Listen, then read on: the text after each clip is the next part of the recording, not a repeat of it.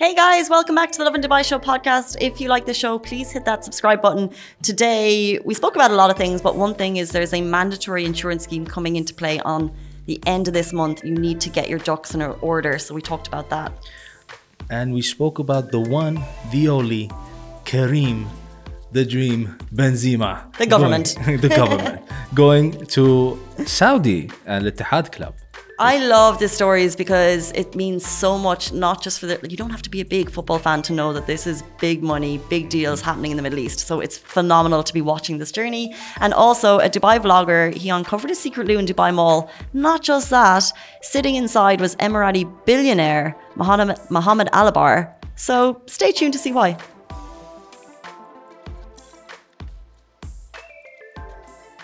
Good morning, Dubai. Welcome back to Lovin Dubai show, where we go through all of the trending stories that everyone in Dubai is talking about. Of course, our top story, the mandatory insurance scheme. The countdown 24 days is on. And Karim Benzema to join Saudi's Al Ittihad team. It's happening. It's confirmed, pretty much. Uh, we're also talking about a vlogger who uncovers a secret Dubai Mall loo. Uh, Alina Khalifa Salman Khan proposal is viral. And we have her in studio today to talk all about it and her re- career as a Dubai reporter. And then also, of course, big news Simply Red is coming to Dubai. But before we get into all of that, we have Alibaba on the show again. Thank you so much for joining. Hello. so, before the show, we're chatting. You do a show in Arabic. yes. And obviously, switching to English, Mm. you do it pretty seamlessly. Are you thinking in English or in Arabic? This might shock a lot of people. English, But you grew up speaking Arabic, and you went to school speaking Arabic. and you consume news in uh, both English and Arabic. and then your job is mainly through Arabic. Arabic. Yeah. But you think in English. Yes. How do you manage? It like I am so jealous of people who are fluent in multiple languages. And because I, I can speak Irish, so I understand I'm able to speak another language, but I don't think in one and then speak in the other. I try to think in Arabic, um, but then after a while, my, my like my brain starts to malfunction because because there are too many. Like in Arabic, the grammar is so hard that you have to think with like.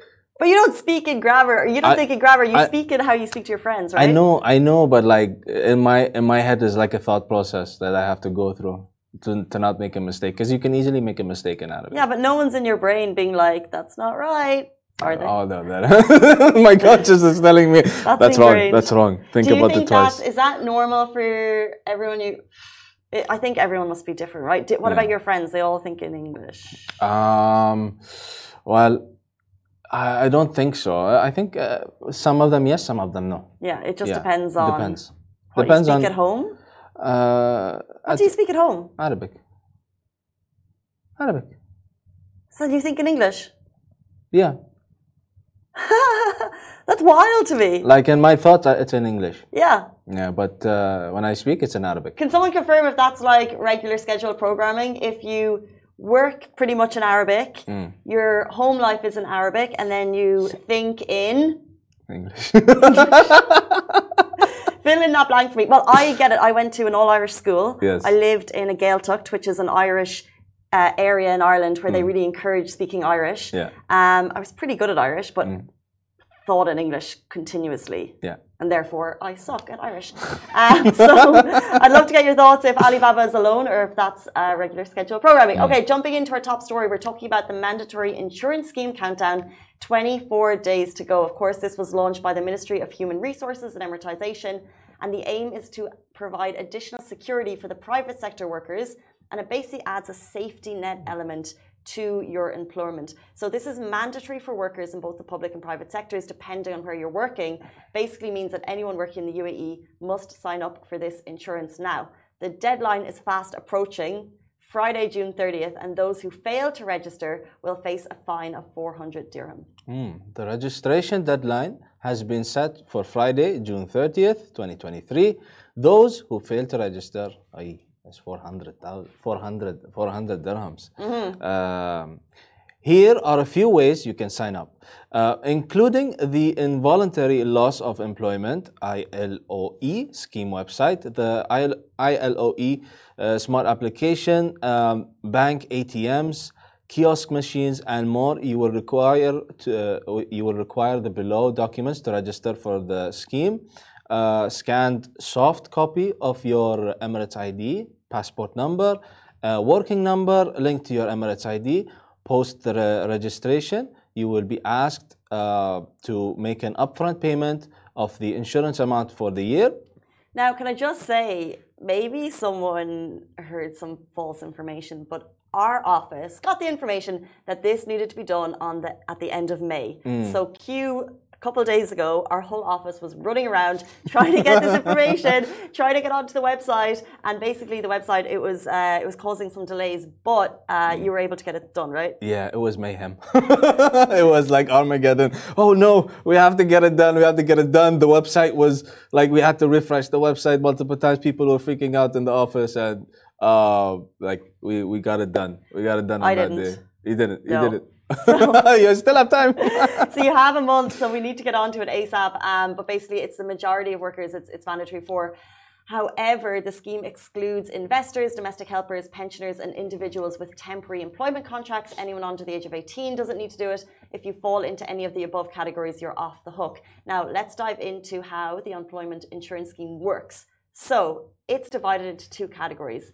If your basic salary is 16k or less, your insurance is 5 dirham per month or 60 dirham an- annually.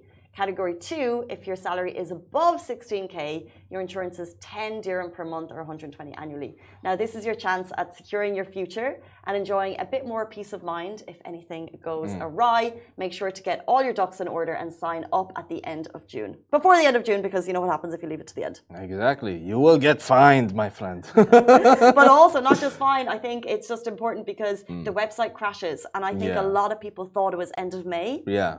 and therefore the website. So now is the time, and I'm telling you that because I'm telling myself that hmm. if we want to have a seamless transition, but also as you said, there's banks, there's kiosks, there's actually a smart app as well. So. It's not just the website. There's hmm. multiple ways you can do it, and there's more information on Lovin Dubai if you want to check it out. They made it easy for you. Do it. You're talking to me too. And it's really easy to preach, but at the same time, Yes. I need to also sort it out. yes. And I'm telling you, I'm saying it because it's the type of thing that I'll say, and and it'll be last minute. Hmm. It'll be the 30th of June, and I'll be on the website, and I'll be like, "Someone help me out! It's taking too long." But no, you need to do it before the end. Yeah. Okay. Uh, let's jump into the next story. We're talking all things football because football in the region is hottening up. Ah, you, you talk about hot. Ah, Karim Benzema. ah, my goodness. To join Saudi Al Ittihad Club. Uh, he shoots and he scores, as always. It looks like an announcement is imminent uh, for uh, Real Madrid's Karim Benzema to join Saudi Arabia's Al Ittihad in the coming days after his contract with Real Madrid ended on Sunday and hashtag Gracias, Karim started trending on Twitter. I'm guessing he's good. He, he's, you know, we, we have a nickname for Karim Benzema in Arabic. It's called, uh, we say Hukuma, which means government, Why? Because he's the government. He's like stable, steady, solid Eddie. And he has very, uh, has multiple sources outside of the stadium, but we will not get into that, but that's what we call him. He's, he's like a superstar. He has Yeah. multiple sources outside of the stadium. He won the Ballon d'Or as well last, last year. Okay, so he's pretty exceptional. It's unclear how much the incoming deal could mean to the Real Madrid player to join the newly crowned Saudi Pro League champs. But if it's anything in the region of the $200 million deal Ronaldo took for a two year contract to Al Nassr, he won't be doing too badly. Also, the rumored $500 million deal that Messi is apparently Uh, He's, he's linked to Al Hilal. checking his pen for. Mm. He's he's he's uh, he's uh, linked to Al Hilal, and uh, multiple other players are linked to the Saudi league. So what? Why are they? Why is Saudi pinpointing phenomenal players, and how are they bringing them over, and what does it mean for football in the region? Um, they are aiming for uh, so they have a goal in terms of football. They've seen what Qatar has done with the World Cup. They want to do the same thing. they have the uh, finance, uh, like fin- in finance terms, they have the finances, uh, they got the money, they got the money, which means they can do it. Um, but it's also a plan, a strategy. They've they've planned this out step by step. Get eyeballs on the Saudi league, improve the league, um, because that's beneficial for the players that are within the league, the domestic players. Like they will learn a lot and they will gain a lot of experience from these uh, European players or Latin American players. Um, and there's going to be a different ball game in the Saudi Pro League. I, I'm, I'm gonna tell you that. so what is the Saudi Pro League like now? So kind of like pre this major investment. Uh, I'm kind of aware of like English Premier League, yes, something in South America. like, where does the Saudi Pro League sit? it's the top in Asia. Top in Asia. okay. Number one in Asia, and they got second. Al Hilal got second uh, this year in the FIFA Club World Cup. So they lost against uh, Real Madrid in the final, but they were very close. Yeah, very close. And finally, I'm assuming assuming this is contract season. So will all of the players that you're suggesting are kind of earmarked for different teams? Is that all going to happen in the next short space of time?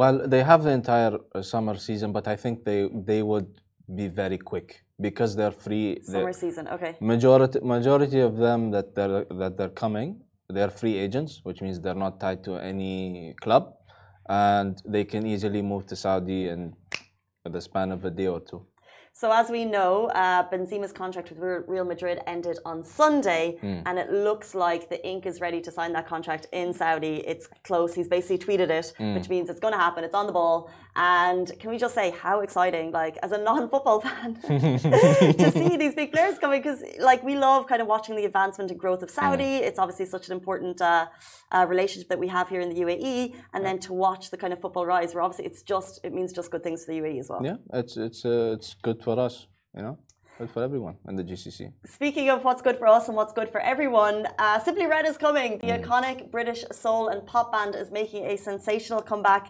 to the city after 20 years, and it is beyond exciting. So, what we want to do is we want to give you the rundown of what that means, where it's happening. It's all going down at the Coca Cola Arena on June 9th as part of the inaugural World Padel League event, presented in partnership with the Dubai Sports Council which is happening from June 8th to 11th this year. The World Padel League is not just about thrilling matches, by the way, there's so much more going on. It's also a fusion of sports and entertainment. So what happens is there's four teams hmm. and 24 of the world's top-ranked padel players are competing in a four-day extravaganza to deliver the greatest show on the court. wow and to top it all off simply red will be one of the internationally renowned acts gracing the stage bringing their signature soulful sound to the festivities Guys, Simply Red are just going to be phenomenal live. You already know that.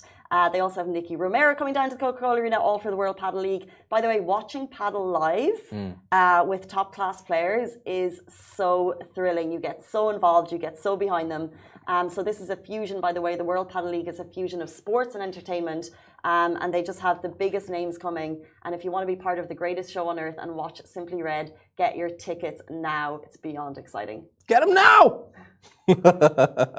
Moving on to our next story. Uh, a vlogger uncovers a secret Dubai Mall loo. Yes, he does. I love this video. I sh- Ayman Yaman is a famous vlogger. Uh, we've had him on the show. He grew to fame for, uh, for asking people in fancy cars what they do for a living. Love that guy. Uh, but he's living proof that consistency is key and his social reach continues to go from strength to strength. So, following going viral for asking people what they do for a living, he also shows fancy houses, fancy cars, and pretty much the ultimate extravagant Dubai life. He does social media tests and challenges. Uh, now, some of it is obviously, majority of it is native cool content. But as he told us as he appeared on this show, his company has also racked up some very cool collaborations. So we're putting a question mark on this extremely cool content. Ayman uncovers a hidden loo in Dubai Mall and sits in a birdcage uh, esque ca- chair is uh, Muhammad Al Abbar. Uh, now, if you don't know Muhammad Al Abbar, he is a magnet Emirati business uh, businessman who is best known as the founder of Emaar Properties, the developer of assets such as the Burj Khalifa and the Dubai Mall, and so much more. Uh, so so much more. So the fact that he just appears in this video. So Mm. Iman is doing his usual, like, oh, what is this? Is in the mall. Mm. Uh, he sees a, a loo that's essentially under construction, but he goes behind closed doors, Mm. and inside is this super cool loo, Mm. right? And we always, by the way, Simran and I on the show always talk about how Dubai bathrooms are just on another level.